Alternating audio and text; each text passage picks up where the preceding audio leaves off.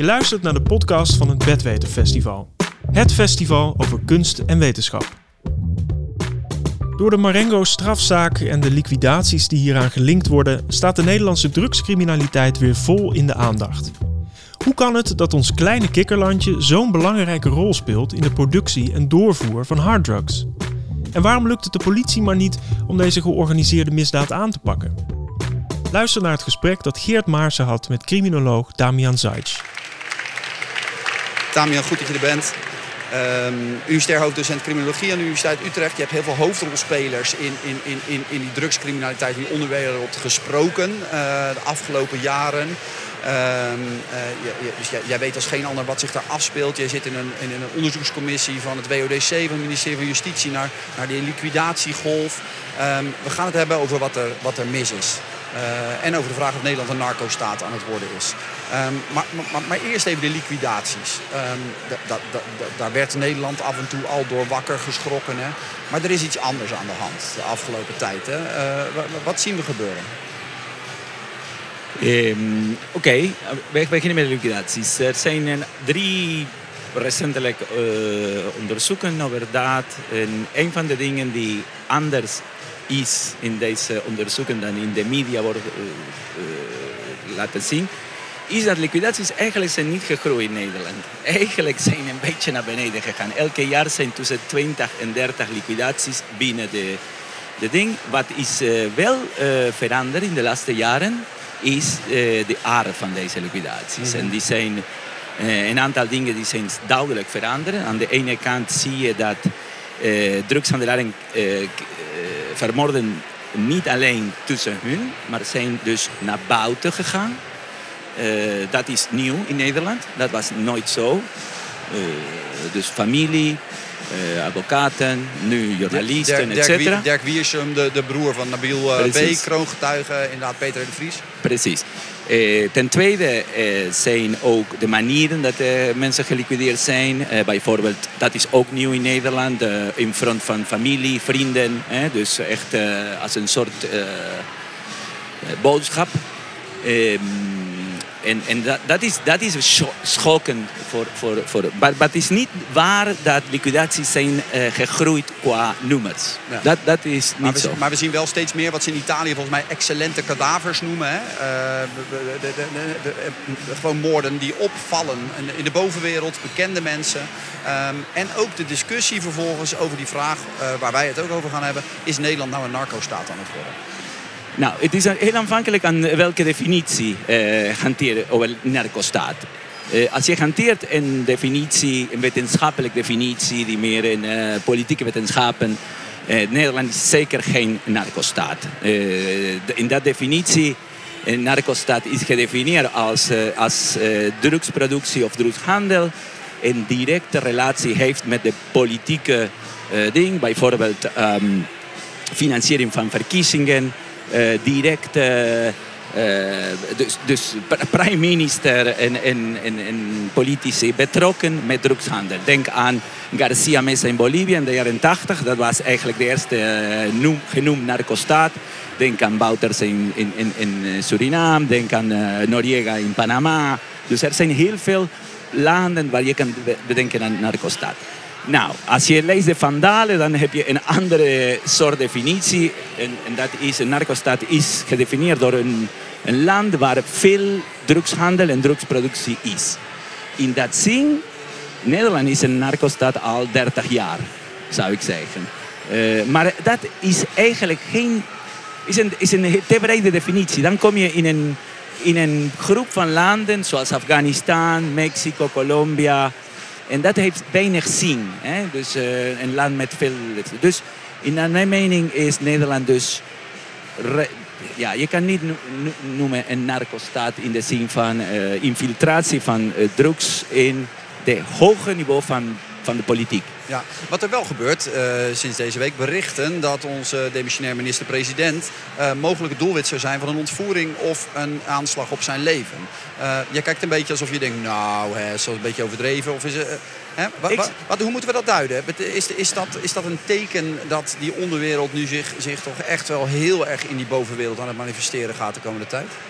Ja, maar je moet wel vragen uh, waarom zouden drugshandelaren bijvoorbeeld uh, route willen uh, vermoorden. Dat is naar mijn mening een beetje overdreven. Er zijn vele speculaties. Het is wel zo. Kijk, tot, tot tien jaar geleden was, waren de drugshandelaren heel duidelijk. Wij vermoorden, maar niet hier in Nederland. Wij vermoorden ergens anders. In Colombia. Uh, zij hadden zelf expressies om te zeggen: hier moet je wel, als je business wil doen, dingen hè, zonder geweld en zonder geld aan het laten zien. Dat is een beetje veranderd, maar uiteindelijk niet zoveel veranderd. Ik bedoel, die, die, die cases van liquidaties zijn beperkt aan bepaalde soorten uh, drugshandelaren. Mm -hmm. Het is een nieuwe generatie van drugshandelaren.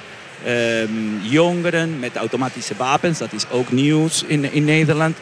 Uh, maar te denken dat Nederland op dit moment is een soort, uh, weet je, dan moet je kijken wat gebeurt in andere landen om te vergelijken. Ja, hey, uh, jij zegt dus eigenlijk, uh, Nederland is niet een narco-staat als je kijkt naar onze minister-president. Oh, is zelf geen, geen drugsbaron, is geen maffiabaas.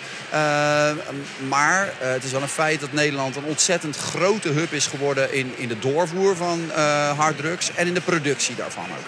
Wat is daar gebeurd en hoe, en hoe heeft dat kunnen gebeuren? Dat Nederland zo groot is in de drugshandel. Uh, nou, er zijn ontzettend mooie condities in Nederland uh, voor, voor, uh, voor dat. Ik bedoel, ten eerste, we moeten denken dat um, heel goede infrastructuur. Dus eigenlijk, Nederland is belangrijk voor de productie van synthetische drugs en export van synthetische drugs, import van cocaïne en, en product van, van cannabis. Nou, hetzelfde condities die maken Nederland een sterke land voor legale handel maken ook sterk voor illegale handel. Dat is één. Dus denk aan uh, airport, uh, alle infrastructuur, internet, uh, heel dichtbij aan alle landen en alle markten. Dus um, dat is één. Ten tweede heb je in Nederland ook uh, een internationale omgeving. Hè, dus veel bevolking van verschillende landen die ook een, een functie hebben. Uh, denk ook dat een andere import, uh, belangrijke uh, functie is de, dat Nederland als belastingparadijs. Hè. De financiële systeem in Nederland is heel sterk. En dat helpt eigenlijk aan geld te, bewegen van, van hier en daar. Dus er zijn condities die zijn heel goed voor drugshandel in, in Nederland. En je kan ook zeggen, maar dat is ook een discussie er is een heel grote gap op dit moment tussen wat uh, aan de ene kant bestaat qua uh, wetgeving. Dus mm. drugshandel is niet legaal. Aan de andere kant, er zijn veel vormen van drugshandel die zijn genormaliseerd mm -hmm. op een of andere mm -hmm. manier voor veel mensen. Dus er is een soort gap en dan, tussen wat aan de ene kant een, een, een gedrag en aan de andere kant die wet die zegt dat gedrag niet goed is. Ja, want het, kijk, dat, dat, dat, ideale ecosysteem, zoals jij dat schetst, hè, voor, voor, normaal, voor, legale handel, maar ook voor illegale handel, dat lijkt me evident. Uh, maar hoe kan het dan toch dat het uh, politie en justitie niet is gelukt de afgelopen decennia om die ontwikkeling een beetje binnen de perken te houden? daar ben ik ook een beetje meer genuanceerd. Ik denk dat politie in Nederland heeft heel een goede beeld wat, wat gebeurt. Kijk, er is één factor. Drugshandelaren kunnen veel, veel efficiënter eh, samenwerken qua internationaal. Hè. Wij praten hier over een internationale handel. Drugshandelaren zijn veel eh, efficiënter om, eh, voor internationale samenwerking. Eh, politie niet. Politie is heel traag. Samenwerking is heel slecht eigenlijk met Latijns-Amerika. Zelfs in Europa samenwerken is hè, vertrouwen vertrouwen niet zoveel. Zelfs in Nederland, tussen regio's, is nog steeds een thema. Mm -hmm. Dus je hebt een institutie die, die redelijk heel traag en, en bureaucratisch et cetera, is tegen een heel actief, flexibel en, en efficiënte. Dus dat is één. Ten tweede, naar mijn mening, politie weet heel veel eigenlijk. Veel meer dan wat zij kunnen doen uiteindelijk. De, de, uiteindelijk zijn politici veel meer. Uh, mensen die niet zoveel weten wat er gebeurt en, en praten daarover. Maar politie, mijn, ervaring met politie is dat ze weten heel veel wat gebeurt, maar uiteindelijk ze kunnen niet zoveel doen door politieke of, of whatever uh, reasons. Ook beperkingen. Ze moeten uiteindelijk keuzes maken met de, met de geld die ze hebben. Dus um, dat, dat is dat, dat is het zo. Hè. Dus eh, ik denk dat politie moet niet alleen. We moeten meer kijken naar politici dan politie. Ja, ja. Eh, nou, is er, nou is er een poging gedaan om, om die aanpak hè, wat, wat, op te schroeven. Dus de, de, natuurlijk weet de politie weet wat, waar gedeeld wordt en wat er gaande is en zo, maar ze kunnen niet zoveel aan doen. Nou is er een multidisciplinair interventieteam. Hè. Dat moet uitgroeien tot 400 mensen, waar belasting, field, douane, OM, justitie allemaal samen gaat werken. Daar is vreselijk veel kritiek op. Uh, wat vind jij daarvan? Van, van het functioneren van zo'n soort van uh, elite-dienst eigenlijk? Hè? Dat is ook een beetje wat ik net gezegd. Die, die, die, die um, samenwerkingen, hè, bijvoorbeeld uh, de RIEC, hè, je hebt Belastingdienst, douane, politie, etc. Die zijn heel mooi op papier. Die, die zijn mooi ook als je ziet in de tafels. Ik zit heel vaak met die soort actoren in de tafel. Iedereen spreekt goede woorden, etc. Maar de praktijk zelf is heel moeilijk. Omdat er zijn verschillende agenda's. Bijvoorbeeld douane heeft, uh, het is, wil graag een bepaalde, is meer geïnteresseerd in goederen. Uh, is ook geïnteresseerd in hun eigen naam. Hè, dat, niet, dat, dat, niet gezien wordt als corrupt of zo. Um, dus uiteindelijk, heel vaak is het dat die samenwerking staat heel goed op papier, maar op, in de realiteit is, is, is moeilijk. En het is moeilijk ook omdat die is een business die heel geïntegreerd is in de legale wereld. Mm -hmm. In de legale wereld. Dat, ik zou niet noemen een narco-staat, maar misschien wel een narco-economie. In de zin van, je hebt een heel uh, functionele relatie tussen legale structuren, een symbiotische relatie tussen legale structuren en, en die mensen. Kun je een voorbeeld geven? Ik, de hele transport van cocaïne wordt gearranged door, door legale actoren. Dus er zijn niet kleine couriers die nemen uh, cocaïne in zijn macht. Dat, dat bestaat bijna niet. De grote partijen komen in legale, eh, met legale goederen, met fraud, met, uh, in, de, in, in legale containers. Dus maar denk ook aan notarissen, denk aan accountants, denk aan de hele Oreca. Uh, er is veel geld die wordt gepompt. Niet, ja. Zelf ja. niet, ge maar, niet dit is, maar dit is niet iets, dit is niet iets wat we als een gegeven hoeven te beschouwen. Hè. Je kunt natuurlijk gewoon zeggen dat hebben we laten gebeuren. Dat, dat is fout geweest. En dat moeten we proberen terug te draaien. Die verwevenheid van die onder- en bovenwereld. En, en, en die ondermijning zoals dat genoemd wordt. Um, hoe moeten wij ons hiertoe verhouden? Vind jij dat dit een probleem is wat, wat, wat keihard aangepakt moet worden en wat keihard aangepakt kan worden ook? Of moeten we maar gewoon een beetje bij de pakken neerzitten en, en, en, en het misschien ook omarmen dat we daar zo goed in zijn en de hele boel legaliseren? Om maar eens even twee lekkere uitersten uh, neer te leggen hier. Oké, okay, wij hebben uh, heel veel ervaring al over de war on drugs, 40 jaar al. We hebben veel ervaring in, we kunnen heel veel landen zien wat is bereikt. We hebben bereikt met dat. Uh, Verenigde Staten, Mexico, Colombia, etc. We hebben gezien na 40 jaar dat de productie van cocaïne is verdubbeld in de laatste 10 jaar. Ook de consumptie heel veel gegroeid. Er is heel weinig uiteindelijk gekomen van die soort repressie. Dus ik denk dat we moeten denken aan twee, twee scenario's of twee dingen. Aan de, aan de lange termijn, de enige, de enige uh, oplossing is reguleren. Ik zou niet noemen legaliseren, omdat legaliseren denk je dat je, het is gewoon, uh, alles moet gewoon uh, ja, normaal in een supermarkt. maar het moet wel reguleren. Reguleren betekent dat de staat neemt terug de controle van de markt. Dat is een lange termijn. Voor cocaïne en voor heroïne zal nog duren. Maar misschien de generatie zal wel zien cannabis in de westerse wereld. En misschien synthetische drugs in Nederland, omdat hè, dat is de, de, de volgende, zeg maar. Ja. Maar wacht even. Die, die, we moeten aan lange termijn reguleren. Aan korte termijn moeten we aan, uh, beleid, beleid voeren binnen prohibition. En dan kunnen wij een aantal punten dan, dan doen. Bijvoorbeeld minder aandacht aan kilo's pakken en mensen pakken en veel meer uh, aandacht aan uh, geldstromen en corruptie. Dus zero tolerance aan corruptie en zero tolerance aan, aan witwassen. op dit moment wordt heel veel gesproken over witwas, maar niet zoveel gedaan en niet zoveel uiteindelijk komt van dat. Ehm, dus je kan ook denken, dus in, in dat is, je kan gewoon ver- veranderen de, de, de, de, de doel van de repressie eh, op dit moment. Maar op lange termijn moet je wel reguleren. Ja. Eh, er- het is ook heel erg eh, een trend geworden om eh, te zeggen, in ieder geval een aantal Nederlandse politici, waarvan ik vermoed dat ze eh, niet regelmatig even een likje MDMA nemen, hè, maar, maar eh, om te zeggen, ja, die gebruiker die heeft bloed aan zijn handen. Hè. In het, in het ka- demissionair kabinet zitten een aantal mensen die dat meerdere keren gezegd hebben. Wat, wat vind jij van, van die trend? De, de responsabilisering van de, van de consument is een typisch neoliberale idee dat ten eerste is heel oneerlijk. Eh, er, er bestaat geen eh, eh, fairtrade cocaïne of biologisch cocaïne. Dus de consument heeft geen andere keuze dan alleen maar stoppen. Dus de enige, de enige optie is gewoon say no to drugs. En dat hebben wij al gehoord van Nancy Reagan in de jaren 80. Weet je waarom? Dat, dat, dat werkt dus niet. Het is oneerlijk. De consument heeft dus geen keuze. Als er komt mogelijkheden voor de consument om cocaïne te, te consumeren, vertrade, dus direct van de boer naar de naar het ding, dan, dan, dan prima.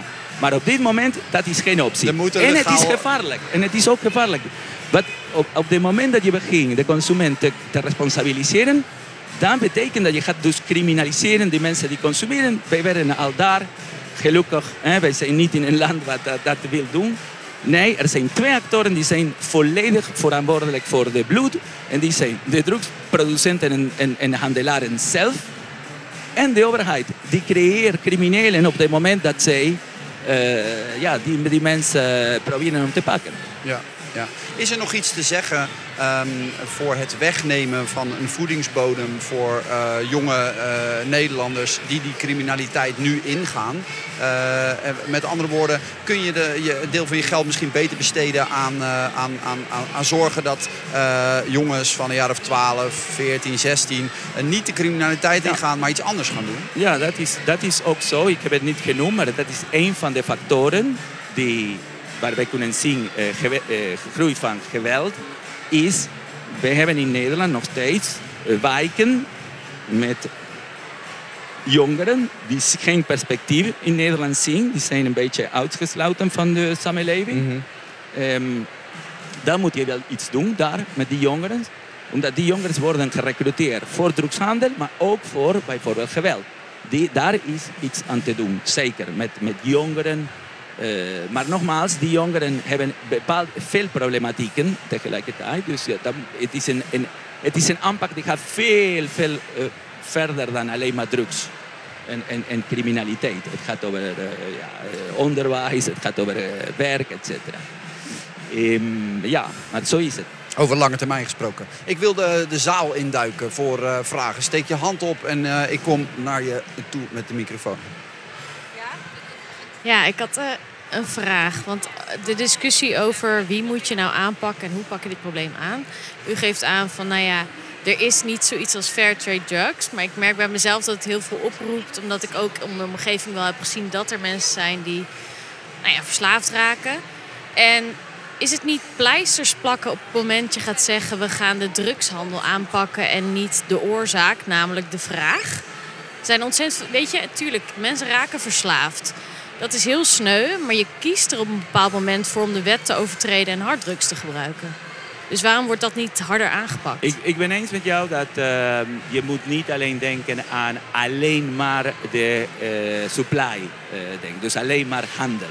Hè, de- uiteindelijk er is een, eh, zijn gebruikers, dan moet je wel. Maar de, wat je moet doen met gebruikers is niet alleen responsabiliseren, maar ook bieden de kans om eh, bijvoorbeeld consumeren op een manier dat niet verslavend is of minder gewelddadig is of goed voor de gezondheid is.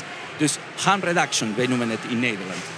Eh, er, is duidelijk veel te winnen daar, maar de, het idee dat, en dat doen trouwens die overheid heel makkelijk met de consumenten van alles. Die zeggen, weet je, dus de corporations zijn niet verantwoordelijk of, eh, of wij zijn niet verantwoordelijk. Wij nemen de, de, de verantwoordelijkheid aan de mensen die kopen. Die, zijn de laatste consumer. De laatste consumer, nogmaals, heeft weinig weinig uh, keuze. Um, ik zou leuk vinden om uh, inderdaad om te weten wat, wat staat in een pil of in, of in, een, in, in, in cocaïne.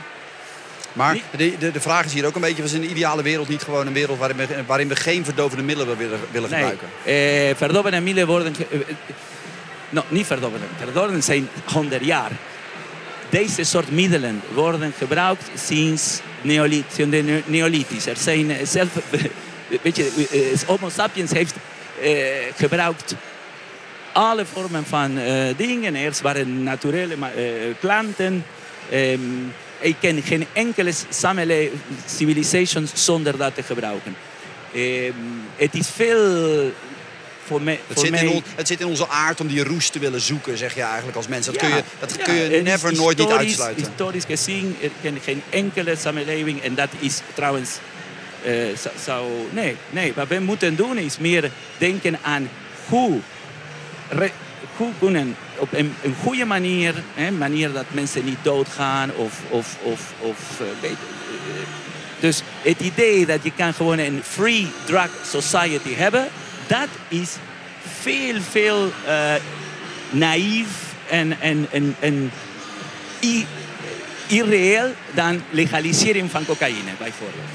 Maar in, in, in, er zijn Aziatische landen waar ze het redelijk met wel repressie, ja. maar in een andere cultuur onder controle hebben gekregen. Moeten wij niet zeggen in een vrije liberale samenleving hoort het er misschien een beetje bij? Of we moeten misschien naar uh, een ander type samenleving. Dat is niet mijn voorkeur, maar moeten we misschien zeggen het is in onze vrije samenleving moeilijk te voorkomen? Nogmaals, als je gaat naar Filipijnen, mensen worden geëxecuteerd on the spot als ze uh, handelen. Dus wij moeten een keuze maken. Willen wij dat samenleving? Een samenleving waar iedereen wordt dus vermoord als of handelaar of trouwens uh, gebruiker bent? Nee, duidelijk niet. Dus in liberale western democraties, eh, democratieën, moeten wij leren dat het leren uh, uh, wonen met het idee dat som, sommige mensen gebruiken uh, drugs. En wij moeten proberen om de condities van die gebruik beter te maken. Eigenlijk dat betekent dat wij moeten proberen om te reguleren in de zin van laten de, de business uit van de criminelen en uit van de maffia. Um, en er zijn heel veel voorstellen om hoe moet dat gebeuren, hoe kan dat gebeuren. Maar ik, persoonlijk vind ik dat. We hebben hier op de voorste rij een vraag. Um, zou het zeg maar, um, ook niet zo zijn dat zeg maar, in, in Nederland is het wel zo dat onder de studenten het drugsgebruik in Nederland voor mijn gevoel redelijk hoog zit. Um, en tegelijk zijn er ook bijvoorbeeld heel veel ecstasy-testcentra's. is het blijkbaar volgens de wet ook gedoogd om één ecstasy-pil bij te hebben. maakt dat het ook niet toegankelijker voor de jongere generatie om sneller aan drugs te beginnen. Dat dat eerder toegankelijk is om daarin iets te proberen. Um, ik denk niet in ieder geval, dat, ik geloof ook niet in de stepping stone theorie. Weet je, het idee dat als je bijvoorbeeld cannabis tolereert, dat mensen gaan gebruiken cannabis en dan gebruiken dit en dan gaan groeien. Dat, dat geloof ik niet. Er zijn studies, heel veel studies laten zien dat heel veel van die jongens die hebben één pil hier, blijven met één pil hier. Dus de grote, hè, dus gaan niet één pil en dan twee en dan drie en dan vier. Nee, dat, dat, dat gebeurt trouwens met, met, met ecstasy. Kan gewoon niet. Hè, omdat je weet hoe het werkt uh, met ecstasy. Um, dus nee, ik denk niet dat het heeft te maken met de tolerant, door de cultuur in Nederland dat te veel tolerant is. Trouwens, Nederland is niet in veel van de drugs koploper. Dus in uh, cannabis zelf zit hem in het midden van de tafel in Europa. Dus er wordt veel meer cannabis gebruikt in Spanje, in Engeland, uh, in landen die, die veel minder tolerant zijn, uh, zoals Nederland. Um, nee, absoluut niet. Ik denk niet dat er is een, zelf een relatie tussen de, de, de, de, deze gedoogbeleid en het aantal gebruik. Dat niet. We hebben hier uh, halverwege zijn we aangekomen een vraag. Hallo. Uh, allereerst bedankt voor, de, voor het interview aan u beiden. Um, u noemde na een tijdje als oplossing uh, zero tolerance voor um, corruptie en geldstromen. Nou, een paar jaar geleden waren de lokale verkiezingen en ik vroeg me af Eh, want er, waren, ehm, er was nieuws over de georganiseerde misdaad in Brabant die in de lokale politiek kwam. En ik vroeg me af hoe dat nu zit en of, de of, of dat nu nog steeds is, of de politiek daarvan op de hoogte is en wat daaraan wordt gedaan, als het, als het aanwezig is nog. Ik weet niet zoveel over de situatie lokaal in Brabant. Uh, ik denk persoonlijk, mijn ervaring van de, alle die jaren, is dat de corruptie die in Nederland bestaat, is niet zo structureel met de politiek. Er bestaat wel een cases met lokale politici die betrokken zijn, maar de grootste corruptie is met mensen die werken in de legale sector. Hè? In de, in de, in, bijvoorbeeld in, in eh, haven, in Schiphol Airport, hè, beneden. Um, daar is waar heel veel relatie is met de, met de bovenwereld. Um, maar af en toe komt een, een douanier heel uh, betrokken en, en, en ook uh, ja, uh, lokale politici. maar dat is centraal. Dat is centraal. Ik denk dat veel erger dan een pil in in de weekend is de infiltratie van uh, drugshandel en drugshandelaren en, de, de, die, en, die, in macht van drugshandelaren in de politiek of in de economie. En dat moet gewoon het systeem blijven proberen om, om, om te beschermen. We, hebben, we zitten bijna aan de tijd. We hebben nog tijd voor een uh, paar vragen. Hier was er één. Kom even staan, dan kan Damian je ook zien. Uh, ja, ik vroeg me af of u weet waarom die liquidaties meer naar buiten toe treden en niet zozeer in de drugswereld blijven. Dat is een goede vraag. Uh, ik denk dat er zijn een aantal factoren. Een van de factoren is, er is een, er is een generatieverandering in de, in de, de drugshandel. Toen, toen ik begon met onderzoek naar dit in de jaren 90, waren andere actoren. Nederlanders, er waren veel meer um, ja, oude kolonies van Nederland betrokken, Colombianen. Zelfs de Colombianen hadden, uh, weet je, nogmaals ideeën dat Nederland is niet een plek waar je woont en uh, wil je graag niet damage met geweld. Um, maar er kwam een nieuwe generatie van jongeren. Jongeren die kwamen aan ook uh, automatische wapens. Toen ik in de jaren 90 onderzoek deed, er waren veel meer messen of pistolen. Dus je hebt een combinatie van jongeren van kwetsbare wijken. Die hebben niks te verliezen met automatische wapens. Eh, dat is dat, dat, dat denk ik, dat maakt de verschil. In, in, een land, in een land wat ze niet als hun thuis beschouwen dus eigenlijk. Waar ze, waar Precies. Ze... Trouwens, in een land dat ze niet thuis beschouwen... en in een land die de, de vertrouwen in de politiek en in de instituties is helemaal naar beneden gezakt. Dus dat is ook belangrijk. Hè? De, eh, eh, als wij denken in een land waar niemand meer gelooft in de politie of in de in justitie of in de overheid, et cetera. Ja, dat, is, dat maakt, en wij hebben het gezien in andere landen, dezelfde situatie. Dus ik denk dat de, het geweld is niet alleen in de, die soort extreme violence, is niet alleen gekoppeld aan de liquidaties binnen de drugshandel, maar ook het is een veel bredere fenomeen. Damian, jij, jij spreekt met figuren uit die onderwereld. Hè? Uh, jij interviewt ze, je bevraagt ze, ze delen hun verhalen met jou. Waarom willen ze met jou praten? Uh, kijk,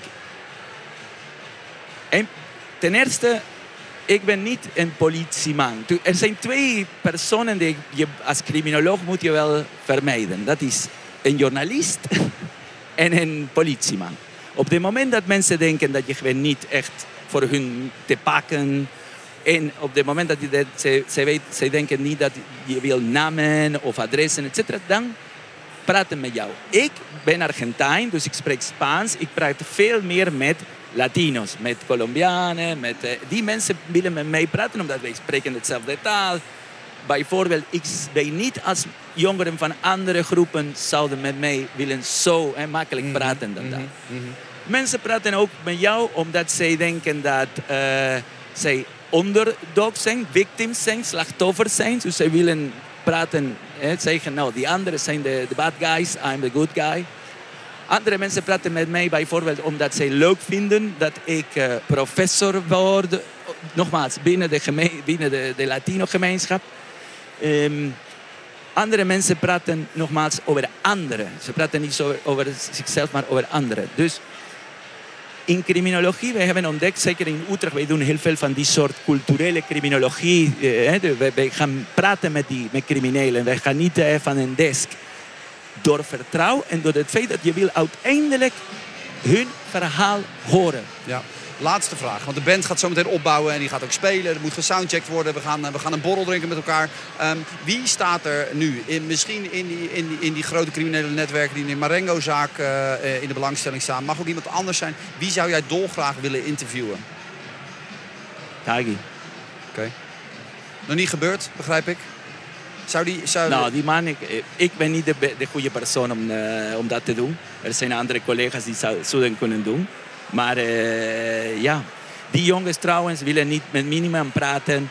Die jongens zijn uh, gevaarlijk eigenlijk. In ja. de zin van, je praat veel beter met criminelen als ze niet in gevangenis zijn. Op het moment dat ze in gevangenis komen, dat is moeilijker. Omdat ze hebben veel te beschermen en et cetera. Dus wij praten liever met uh, drugshandelaren als niet... Maar, maar als je het aanbod zou krijgen, uh, uh, zou ik met Tagi zou je doen, zou je niet de risico's die dat mogelijk met ze mee hebben, dan zou je denken, ik ga het gesprek aan, let's do it. Ja. ja.